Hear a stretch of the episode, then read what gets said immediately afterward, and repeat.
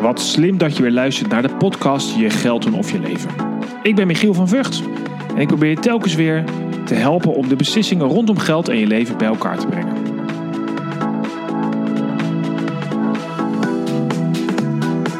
De podcast Je geld doen of je leven is mede mogelijk gemaakt door NNEK Vermogensbeheer. En voor meer informatie kijk jij op michielvanvugt.com. Vught met. Hier vind je artikelen, boeken, filmpjes en uiteraard alle eerder gemaakte podcasts.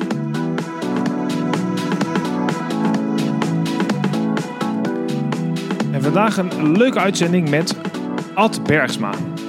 Ad is geluksonderzoeker, spreker en auteur en hij is een van de pioniers van de positieve psychologie in Nederland. Hij organiseerde de eerste conferentie over dit onderwerp, dus, eh, samen met het Sociaal Cultureel Planbureau. En sterker nog, zijn wetenschappelijke werk wordt ook wel internationaal gebruikt. Dus ontzettend leuk om Ad vandaag in de uitzending te hebben. De reden voor deze uitzending is eigenlijk dat ik, dat ik hem benaderd heb naar aanleiding van een column die hij schreef over de, het beklimmen van de Himalaya. Nou, daar gaan we het zo zeker ook over hebben. Ehm, nou ja, Ad, wat leuk dat je ehm, vandaag met, eh, met met mij eh, in gesprek wilde gaan over het eh, concept van geluk en hoe jij er tegenaan kijkt. Misschien voor de mensen die je niet kennen, ehm, ja, wie ben je eigenlijk precies? Nou, ik ben Ad Bergsma, ik ben een psycholoog, ben opgeleid als psycholoog. Ik ben daarna journalist geworden en daarna ben ik wetenschapper geworden en ik doe onderzoek naar geluk. Ja, nou dat is iets moois, geluk, want iedereen is er nou op zoek, toch? Bijna wel, bijna wel. En ook de mensen die zeggen dat ze geluk onbelangrijk vinden. ehm, Sorry, gaat nou telefoon. Ja, dat hoort erbij. Dit is, een soort, dit is live opgenomen. Dus iedereen, hier, er wordt, we hadden het nog over niks geknipt en geplakt. Dit zit gewoon in de uitzending. Dat moet kunnen. Eh, Dat is helemaal goed, maar als je het niet heel erg vindt, heb ik hem toch op stil gezet. Nee, dat is wel een goed. Eh, maar je moet altijd positief hè, eh, omdenken. Dit is gewoon omdenken. Dit maakt de uitzending leuker. Zo is het, vind ik ook. Ja, nou goed, je zei ook, je zei ook mensen die zeggen dat ze niet zijn, op zoek zijn naar geluk, doen dat eigenlijk toch. Ja. Ja, zo van, eh, je kan het eigenlijk beschrijven als een soort einddoel. Zeg maar. We willen allerlei dingen in het leven. We willen geld, eh, willen een relatie. Maar uiteindelijk willen we die dingen ook omdat we ons daar prettiger door voelen. We willen eh, iets voor een ander doen. Dat doen we op zich omdat we dat zinnig vinden. Maar tegelijkertijd voelen we ons daar ook prettiger door, zeg maar. En Bertrand Russell, dus die filosoof, die heeft een keer gezegd... Nou, stel je nou voor een relatie. Iemand komt naar je toe... en ik wil een relatie met jou omdat mij dat optimale kans geeft om mezelf te verloochenen. Eh, dan ga je toch met je staart tussen je benen er vandoor. De, eh, de, de- moet je, dat moet je niet willen, toch? Dat, dat werkt denk ik niet. Nee. Dus ik, ik, ik, eh, tegelijkertijd vind ik, begrijp ik wel als mensen zeggen zo van nou we zoeken niet zo, ik zoek niet zo heel erg naar geluk. Want het is ook niet per se makkelijk maakbaar of zo. Nee. Het is niet een, Nee, ik, ja, ik, ik, ik zei, ehm, of je hebt dat, hadden het net over, je hebt natuurlijk zo'n zo'n ehm, column geschreven in de Volkskrant over, nou, dan zag je die foto van al die klimmers op de Mount Everest en eh, ja, omschreef er eigenlijk, als ik het goed vertaal of herinner, dat iedereen zoekt dan maar de hoogste geluksbeleving, een mooie ervaring, de beste ervaring. Terwijl ja, je kan net zo goed drie eh, bergjes verderop gaan, dan sta je helemaal alleen, heb je ook een mooi uitzicht, zeg maar. Eh, Is het een beetje, een beetje gehyped? Zijn we te ver doorgeslagen in jouw optiek, Ad? Nee, ik denk niet dat we te ver zijn doorgeslagen. Maar het is wel, eh, als je het precies gaat zoeken, als je denkt, er is, dit is het recept en als ik dat maar volg, dan komt het in orde. Dat lijkt me eh, eh, niet terecht. Bij die Mount Everest is ook zo van, ik, ik ben toevallig zelf met mijn ouders vroeger de bergen ingegaan. Dus, dus, dus bergen is echt een ding voor mij. Ik denk dat ik tien boeken heb gelezen over mensen die de Mount Everest op zijn gegaan. En eh, dat is ontzettend leuk om te lezen, maar als je iets leuk leest van een ander en je gaat het nadoen, eh, dan, dan kom je toch in een platgetreden terrein terecht, zeg maar. Zo van je, eh, ik ben nog nooit op die hoogte geweest, ik heb nog nooit zoiets gevaarlijks gedaan, ook dat, dat houdt me echt tegen. Maar ik weet nu al waar het moeilijk is, waar de files staan, waar je moet slapen en al dat soort dingen. Het mooiste avontuur was natuurlijk toen je voor het eerst de Mount Everest opging. Ja. Als je terugkomt trouwens, dat was wel een dingetje. Eh, Ja. maar, maar dat je iets nieuws probeert, dat je ergens gaat wat niet bekend is, zeg maar. En we zijn met elkaar zo bezig, eh, in toerisme in ieder geval, en in belevenissen, zo van de duizend plekken die je gezien moet hebben voordat je doodgaat. Nou, het zijn er ten eerste heel veel. En ten tweede leg je jezelf een druk op. En ten derde, ja, Dirk de Wachter die zei het van, die kwam ik toevallig tegen. Die heeft een interview met een, dat is een Belgische psychiater en die zegt, waarom gaan we eigenlijk twaalf uur rijden met vakantie terwijl je in de tuin kan zitten? Nou is dat een beetje saai ook, maar hij heeft wel, ergens heeft hij gelijk. Zo van als je met de verkeerde instelling naar die 12 uur rijdt, en dat is verkeerd, is niet verkeerd, maar uh, met optimale verwachtingen en denk, oh maar dan zal ik het fijn hebben. Uh, dan ga je het waarschijnlijk niet heel veel prettiger hebben als je gewoon in de tuin gaat zitten. En dat je dan de wind op je huid voelt, misschien de zon momenteel. En dat je kijkt naar het vlindertje wat naar je eh, bloemetjes toe gaat. Uh, dat soort dingen, zeg maar. We overdrijven, denk ik, het, we zijn zo serieus bezig met het optimaliseren van ons geluk... dat we onszelf daardoor tekort doen. Dat denk ik wel. Oké, dus ze zouden zou je dan eigenlijk meer genoegen moeten nemen met wat je al hebt, in plaats van alleen maar dingen na te jagen die je... Nee, niet zo. Uh, je streef onbekommerd naar het ideale, zei Loesje een keertje. En ik ben het echt helemaal met hem of haar eens. Ik weet eigenlijk niet uh, wie er achter Loesje zit. Uh, maar je hebt die, het streven naar het ideaal is prachtig. Maar heb er ook vrede mee als het niet lukt. Die combinatie, je hebt het een en het ander nodig. En je hoeft helemaal geen saai leven te hebben. En ik zeg, ik ga nooit meer op vakantie en ga voortaan in de tuin zitten, want het leven heeft toch niks te bieden. Nee, zoek dat heel actief op. Maar het gaat er wel om. De, dat je het niet helemaal in de hand hebt, dat je niet helemaal kan optimaliseren en uh, dat het avontuur niet door een ander per se gezocht moet worden. Als je behoefte hebt aan natuur, uh, heb je zelfs in Nederland prachtige natuur. Als je behoefte hebt aan bergen, uh, dan heb je die in de Alpen ook. Als je behoefte hebt aan rust, dan ga je niet in de zomervakantie, als het enigszins mogelijk is. Als je behoefte hebt aan avontuur, dan ga dan een berg op waarvan je niet van tevoren weet waar de normaalroute is. En uh, en hoe dat moet.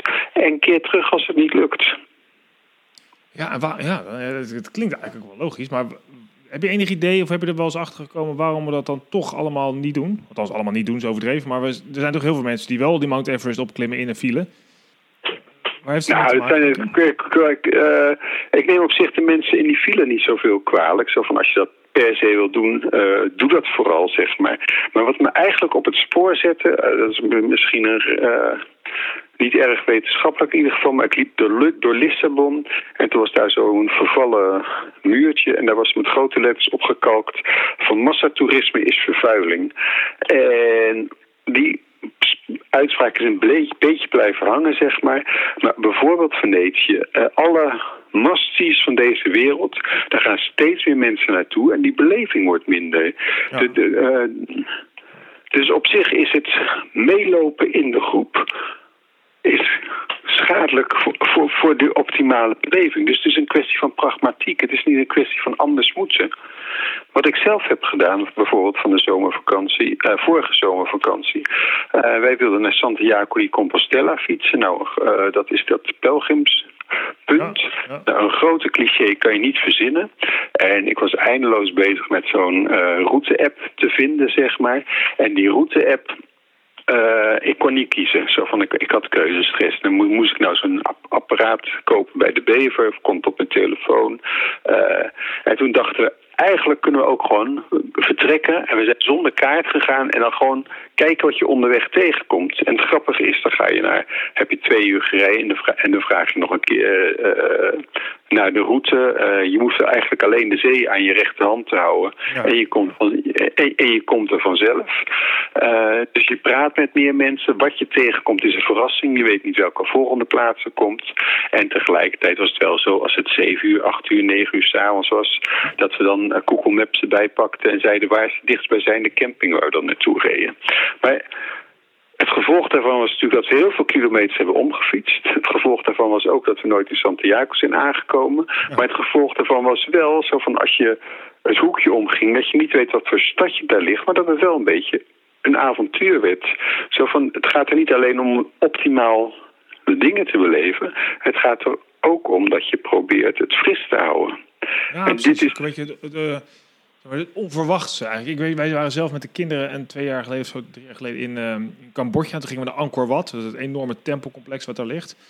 En dan heb je allerlei tempels. En ik kan me nog herinneren, wij gingen naar de zonsopgang kijken bij de bekendste. Voor mij is dat de Angkor Wat tempel. Nou, daar stonden denk ik, ja, je kent de plaatjes waarschijnlijk wel, duizend mensen. En allemaal met hun smartphone in, proberen boven de ander uit te komen. En de, eigenlijk was dat nog de beste foto voor ons. Al die rare mensen, zoals wij zelf natuurlijk ook, met hun foto. Het toestel in de hand. Uh, en terwijl uiteindelijk gingen we weg met een tuk-tuk en reden we door het enorme gebied met allemaal tempels. En kwamen we ook in tempels waar niemand was. Behalve een monnik die daar aan het bidden was. En dat was natuurlijk de bijzonderste plek. Want we waren gewoon rechts afgeslagen met die tuk-tuk. Uh, op hoop van zegen. Dat is eigenlijk een beetje wat je aangeeft. Dus dat je, daar heb je de herinnering aan. En daar denk je nog mooi aan terug. En je lacht een beetje om de drukte bij Angkor Wat eigenlijk. Ja, vind ik erg, erg herkenbaar voorbeeld. En dat is eigenlijk ook altijd op mijn vakanties geweest. Wat me nu te binnen schiet is... bijvoorbeeld in Griekenland heb je veel van die oude meuk van, de, van de Grieken uiteraard in de Romeinen. En je gaat naar de Acropolis en je gaat naar het amfitheater. En je gaat kijken waar die eerste Olympische Spelen waren. Uh, allemaal prachtig, allemaal leuk, ook fijn om te zien. Maar vervolgens, wat de meeste indruk maakte, was, was een mozaïekvloertje dat gewoon op de grond lag. Uh, dat waren huizen waar mensen die oude Dorindische zuilen mee naar binnen hadden gezult om als tafeltje te gebruiken, zeg maar. Gewoon het echte verval, niet het behouden verleden. En dat maakt inderdaad meer indruk. Dus op zich is de. En, en het is natuurlijk ook niet zo. Ja, zo van een van de dingen van onze laatste vakantie was. We gaan het echt over de vakantie hebben trouwens. Maar ik denk dat het algemeen gaat over. Uh, de, dat het zo van we leven in een belevingseconomie. Dat wil zeggen, zo van we willen steeds. Het gaat er niet zozeer meer om spullen, maar het gaat erom de optimale ervaring. Maar juist het, de verrassing is daar heel belangrijk bij.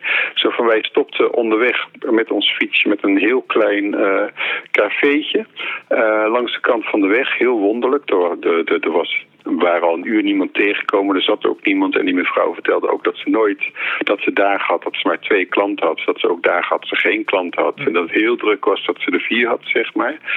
Uh, en dat stond echt helemaal vol met allemaal oude spulletjes. Uh, van een soort rommelmarkt, brokanten en dingetjes. En het was gewoon omdat het zo gek was, was het toch echt een hele bijzondere ervaring. Het was een beetje, uh, het was niet een mevrouw die heel erg spraakzaam was of zo. Dus, dus waarom ze deed was niet duidelijk. En toen we weggingen zagen we van, uh, dat er van een reisgids uh, twaalf jaar plakkaten ophingen. Zo van dat het aanbevolen werd. Nou, stel je voor je gaat naar een café waar je zegt, nou dat, dat is zo gek, dat is zo'n belevenis. En je gaat er naartoe en ja inderdaad, het is wel een beetje gek. Ja. Of, of, of, je stapt ergens naar binnen en je kijkt wat er gebeurt. Dat is toch eigenlijk het leukste, hè? Dat is toch het leukste. Nou, nou ja, de, de, combinatie, de combinatie. Zo van als je... Uh, ja, zo van je, je, je gaat uh, onvoorbereid naar Athene en je gaat er kijken wat er te zien is. En ja, de Acropolis ligt vrij hoog en vrij erg in zicht, dus dat, dat, dat gaat je niet lukken. En je komt thuis en ze zeggen nou, maar die zonsondergang bij jouw Cambodjaanse tempel, die is zo mooi, dat had je echt moeten zien. Dan krijg je natuurlijk ook spijt. Maar, ja, maar... precies, de combinatie zoeken tussen, nou ja, misschien het bekende waar je over mee kan praten of zo, en het onbekende wat erbij hoort. Ondertussen vertel ik even altijd aan de luisteraars dat ze nog steeds luisteren naar de podcast Je Geld of Je Leven. En meer informatie over dit onderwerp en andere onderwerpen vind je op de website michielvanvugt.com, het VUGT. En meer informatie over het werk van Ad en alle columns vind je hier ook onder in een link straks na de uh, uitzending. Uh, waar kun je alle gastcolumns en alle werken van Ad ook terugvinden. Um, Ad, we hebben het er net over gehad, over de vakantie. En jij zegt eigenlijk, als ik het even een beetje samenvat. Ja, we hebben een soort van uh, beleveniseconomie. We zitten heel erg veel, we zijn bezig met allerlei nou het dingen ervaren. En dan zit er eigenlijk een beetje de kunst in om het, het bekende en het onbekende met elkaar te combineren. Is dat een beetje een goede samenvatting van het geheel? Nou, je laat je verrassen en probeer met frisheid naar de wereld te kijken. En probeer zelf je dingen te ontdekken. En ga niet achter andere mensen aanlopen die weten hoe het moet, zeg maar. Uh, Ga niet ergens naartoe omdat Floortje Dessing daar een keer geweest is. Maar hetzelfde geldt eigenlijk, uh, want volgens mij wil je de overstap maken naar het leven over het algemeen. En dat is ook wat hem op het idee gebracht heeft hoor. Uh, je hebt natuurlijk zelf veel boeken en ik denk echt dat die, uh, dat blijkt ook uit onderzoek, dat die af en toe nuttig kunnen zijn. En ik vind het hartstikke handig om die af en toe te lezen. En in mijn proefschrift maak ik ook een vergelijking tussen zelfhulpboeken en een toeristische gids, zeg maar. Uh, zo van een toeristische gids ga je nooit alles van doen, maar je probeert wat dingen uit. Nou, zo zou je het ook met zelfhulpboeken kunnen doen. Soms staan er dingen in waar je wat aan hebt en waar je mee verder komt, zeg maar. Maar zodra je ze gaat gebruiken, dus ja, als ik maar deze vijf stappen doe, uh, dan word ik optimaal gelukkig. Uh, dan doe je jezelf toch waarschijnlijk tekort. Zo van, je, moet, je, moet, je moet voor jezelf ook ervaren wat het leven is. En, en, en probeer uit. Een van een prachtig boek heeft daarover geschreven, Dominique Heitema. En die zegt nooit meer een zelfhulpboek. Die had ze echt honderden gelezen. Uh, en die was totaal verrast toen ze zelf ernstig ziek werd. Uh, hoe, ze daarmee, uh, hoe erg ze daarvoor van de kaart was. Want ze dacht, ja, maar ik weet het toch. Ja, ja maar, maar, maar, je hebt ten eerste heb je weten en ervaren, zeg maar. Nou, je weet uh, dat die Mount Everest de hoogste berg is en daarmee de optimale ervaring biedt. Dat, is de ene kant van weten. Maar het wil niet de andere kant van weten, de, het pure ervaren zeggen, zeg maar. Dus uh, de reden om aan die Mount Everest te denken in die column, dat was omdat ik denk dat het iets algemeens is, zeg maar. Als je te strak bezig bent met het optimaal maken, uh, dan, dan ten eerste maak je je verwachtingen erg hoog. En, zeg maar zo, en hoe gelukkig je bent is het verschil tussen je verwachtingen en hoe het echt zou kunnen zijn als je verwachtingen alleen maar toenemen. Uh, en je leven een klein beetje beter wordt. Uh, als je denkt, nou, ik heb nu een Dit is voor mij, je, je, zegt nou even een hele, even tussen neus en lippen door, een hele mooie definitie volgens mij. Het geluk is eigenlijk het verschil tussen de verwachtingen en wat je daadwerkelijk ervaart. Ja, nou ja, eh, zo van, stel je voor, een ideaal leven, hoe zou dat kunnen zijn? Nou ja, uh, een vrouw, kinderen, een hond, een huis, uh, een, een, een, tuin waarin je een voetbalveld en een tennisbaan en een zwembad hebt. Uh, als dat je basisverwachting is en je blijkt toevallig homo te zijn en daardoor niet aan kinderen toe te komen, wat, wat er niet een heel erg om is uh, dan, dan krijg je al heel snel een groot verschil tussen over hoe het zou moeten zijn en hoe het is, zeg maar. De, de, dus op zich is het optimale zoeken in het leven is echt leuk en goed. Of, of, dingen uitproberen en dingen vernieuwen is echt leuk en goed. Maar als je verwachtingen veel hoger worden en het leven wordt niet veel beter, uh, dan raak je een beetje gefrustreerd en teleurgesteld. Ja, het is een beetje. Ja, wat precies. Het is, het is wel. Uh, op zoek gaan, maar ondertussen wel met de juiste verwachtingen. Dat lijkt me nog een. Dat is een lastige natuurlijk, want je hebt natuurlijk heel veel. Het, het gras is groener en je hoort allemaal alleen maar de mooiste verhalen. Zeker in deze tijd volgens mij, waar je deelt niet op Facebook of op Instagram uh, een slecht verhaal, maar alleen maar de mooiste verhalen. Dus je, je verwachtingen worden daarmee misschien wel automatisch wat te hoog. Dat is wel de kunst dus, om te zorgen dat je ja, de juiste verwachtingen krijgt. Nou, dat is eigenlijk wel, we hadden het in het begin een beetje over in het voorgesprek. Ja, je weet niet zoveel van geld, zei je. Maar dit is eigenlijk over de belangrijkste tip die ik ook mensen moet geven als het over geld gaat. gaat uh, heb de juiste verwachtingen. Uh, want dan valt het ook niet zo snel tegen, zou ik maar zeggen. Ja, nou ja, zo van uh, als je kijkt naar werkgeluk, zo van mensen die uh, ontevreden zijn, zo van als je meer salaris krijgt en bonussen. Ten eerste zie je dan wel dat je mensen nooit zoveel geld kan geven dat ze altijd gelukkig zijn. Zo van je kan best 3 miljoen verdienen en dan dat je weet dat iemand anders eh, binnen het bedrijf dat die 5 miljoen verdient. En dan denk je, oh, het komt toch vreselijk tekort. Ja, dat is echt, dat, dat, is, dat is een reële verwacht, uh, dat is een reëel probleem, zeg maar. Als je je vergelijkt, als je ook studenten vraagt, zegt, wil jij 50.000 euro verdienen in een straat waar iedereen 100.000 verdient? Of wil je 30 verdienen in een straat waar iedereen 20 verdient? Ja, ja. Dus dat scheelt echt een enorme slok op een borrel minder geld. Maar relatief rijker zijn vinden mensen toch prettiger. Dus daar zie je ook dat de verwachtingen van belang zijn. Ja, precies. En is daar wat... Jij bent dan ehm, geluksonderzoeker. Dus je hebt daar onderzoek naar gedaan, ook op, op werk, uh, werkgebied. Wat zijn dan opvallende uitkomsten van dat soort onderzoeken? Ja, dat zou wel goed zijn om mensen dat mensen dat weten. Nou, uh, dan krijg je weer die dubbelheid, zeg maar zo van nou, de meest opvallende uitkomst is dat het grootste deel van de Nederlanders die zegt ik ben best gelukkig uh, in mijn leven. En dat komt toch ook wel omdat we de meeste Nederlanders huisvesting hebben. De meeste ne uh, andere belangen, huisvesting, dat het hier niet corrupt is. Uh, of althans dat corruptie eerder uitzondering dan regel is. Uh, dat we geen oorlog hebben. Uh, dat we het rijk hebben. Dat soort dingen, zeg maar. Dus dat is, een, dat is echt, vind ik, een heel belangrijke uitkomst, zeg maar. Tegelijkertijd, als je dat realiseert, zo van... Uh, het, het, het, is ook vaak voorgesteld dat het altijd nog maar beter en beter en beter kan. En, en,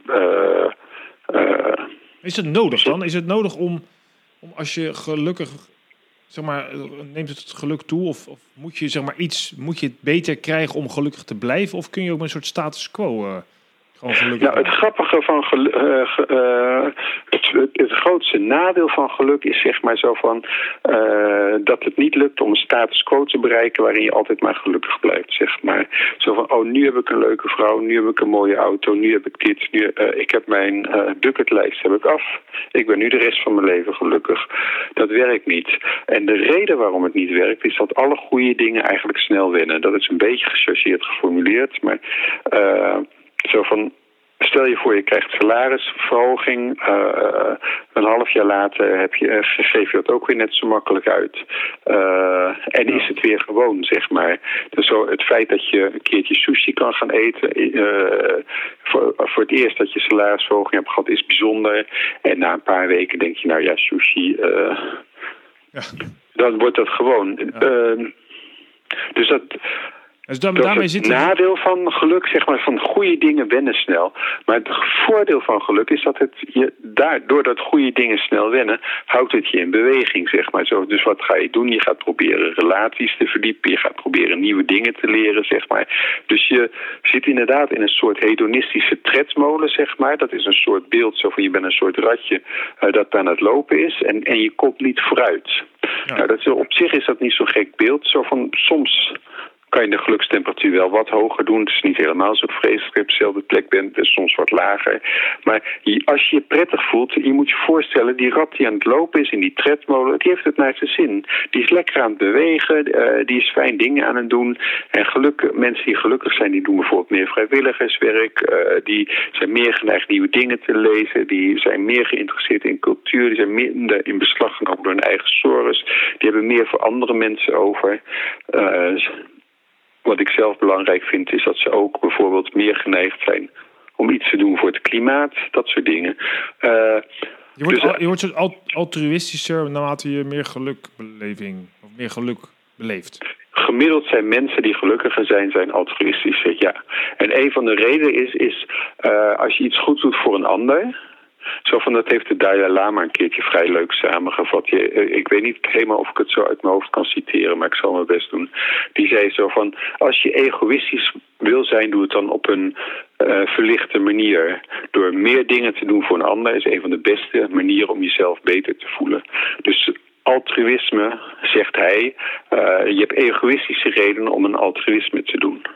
Ja, dat is een mooi gesprek. Nou, het is ook wel zo. Ik heb wel eens ergens gelezen en herken ik eigenlijk wel dat heel veel mensen het leuker vinden om een cadeautje te geven dan te krijgen. Dat zit hier ook een beetje in kennelijk. Dat doe je ook iets voor iets anders blij maken, geef jezelf ook weer een hoge mate van nou, geluksbeleving kennelijk. Ja. Nou ja, uiteindelijk gaat het denk ik om dat je een soort vol leven hebt, zeg maar. Dat je plezierige dingen hebt. Als je alles wat je hebt, als je het weggeeft en je gaat jezelf wegcijferen... Uh, dat, dan, ten eerste is, is dat theoretisch niet zo handig, zeg maar. Zo van als mensen zo belangrijk zijn om daar aandacht aan te besteden, waarom zou je dan een uitzondering maken voor jezelf? Dat vind, ik, wonderlijk, zeg maar. Zo van dat je nooit iets voor jezelf mag doen, altijd voor een ander. Uh, dus dat is één ding. En het tweede ding is zo van. Uh, als je altijd wegcijfert voor een ander, uh, word je ook te moe. En dan raakt de bron waaruit je put raakt ook leeg. Uh, en als je put leeg raakt, dan, dan raak je burn-out en dan raak je... Uh, ja, eigenlijk, de kans is groot dat je verbitterd raakt, zeg maar. Uh, Waardoor je, je gaat cynisch worden over wat ja, mensen die komen alleen maar bij me. Die, willen me, die vinden het niet leuk om mij te zien, maar alleen maar omdat ze, wat, omdat ze, ze wat van me nodig hebben, zeg maar. Dus dat is niet handig. Dus wat je eigenlijk, uh, als je wat duurzamer gelukkig wil zijn, dus langduriger, dan zorg je voor leuke dingen. Ja. plezierige dingen. Dan zorg je voor dingen die goed passen bij uh, wat je zelf belangrijk vindt en waar je, uh, waar je plezier aan ontleent om te doen, zeg maar. Je doet dingen die je energie opleveren. nou, uh, gisteravond ben ik een end gaan fietsen en dan voel ik me echt prettiger daarna bijvoorbeeld. Of ja. Uh, koken voor mensen en dan samen eten. Dat zijn echt dingen die voor mij gelden. derde ding is dat je dingen doet die je zinvol vindt. Als je dingen hebt, een goede reden hebt om dingen te doen. Ja. En de vierde, en ja, dat is een soort goed met andere mensen op kunnen schieten. Dat is eigenlijk het belangrijkste geheim, zeg maar. En dat blijft toch ook. Uh, er is toch ook geen trucje wat je nou op je twintigste onder de knie hebt en de rest van je leven kan gaan toepassen, zeg maar. Mensen blijven toch altijd verrassende uh, wezens die altijd toch weer anders reageren dan je denkt. Dus dat is ook iets waar je. Je wijsheid en je mededogen ontwikkelen is ook iets waar je een leven lang mee bezig kan zijn, zeg maar. Ja. Nou, ja, Ad, we zijn alweer bijna aan het einde. Tijd ja, dat dacht ik al. ik denk bij veel te aan het woord. Nee, is, is heel goed. Ja, heel interessant. Dus ja, we hadden het een beetje voor de soort van break die ik dan doe uh, over de vakantie. En dat je zegt, nou ja, weet je, ik plan het, maar zoek ook naar leuke nieuwe dingen die verrassend zijn. En daarna hebben we het eigenlijk over gehad dat nou, het in beweging blijven is nodig. Hè, als de, zeg maar, de rat in de treadmill om, uh, om eigenlijk gelukkig te blijven. Gelukkige mensen die zijn wat altruïstischer. Um, en uh, nou, net somde je eigenlijk op wat het uiteindelijk kan wat je eigenlijk zou moeten doen om dat geluk zo optimaal mogelijk te maken, als ik het mag zeggen. Um, heb je misschien nog eens een laatste ding? Nou, dat wil ik nog zeker even zeggen. Of heb je eigenlijk alles wel kunnen zeggen wat je belangrijk vindt? Ja, ik wou. Ja. Ik ben nu bezig met iets te schrijven over dementie. En ik ben toch weer verrast over hoe belangrijk het is om, om ook aandacht te besteden aan de positieve dingen, zeg maar. Je alleen kijkt naar dementie als zo van nou, uh, als verlies van menselijkheid, dat je verandert in zombies, zeg maar. Uh, als je die bril opzet en je, dan, dan zie je ook echt alleen maar het verval. Ja. als je andersom kijkt en je kijkt zo van nou, hebben wij nog contact bijvoorbeeld, bijvoorbeeld zonder woorden, met een blik, uh, door een aanraking, zijn er nog kleine momenten van geluk.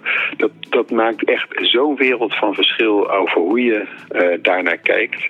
En dat is toch zo van, ik ben dan van de positieve psychologie qua achtergrond en dan denk je ja, dat is het, maar, maar dat geldt toch niet in zulke situaties maar juist ook in zulke situaties blijft het toch belangrijk. En ik wil helemaal niet zeggen zo van als je nou maar goed nadenkt uh, dat je dan altijd gelukkig bent. Maar toch dat je momenten van geluk kan vinden, zelfs in moeilijke omstandigheden of momenten van betekenis, zeg maar. Dat vind ik toch wel een... Goeie om nog even mee af te sluiten. Dus dat je... Ruststellende, opbeurende gedachtenpersonen. Ja. Nou, Art, dankjewel voor je bijdrage.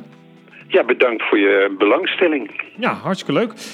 Um, ik ga, um, wat ik net al zei, beste luisteraar, uh, de, in de show notes, zoals het heet, staat de link naar de site van Ad. Daar vind je eigenlijk zijn werk, ook zijn uh, boeken. Kun je, boeken uh, je kunt hem ook boeken als spreker op een evenement. Um, voor meer informatie kijk je op michielvanvug.com, zoals je weet. En mijn doel is om 10 miljoen mensen te, te, inspireren iets te doen voor hun toekomst. Dus als je het nou leuk vindt, deel deze podcast. Geef hem een sterretje op iTunes of laat een reactie na. Nogmaals, dankjewel voor het luisteren. En tot de volgende keer weer.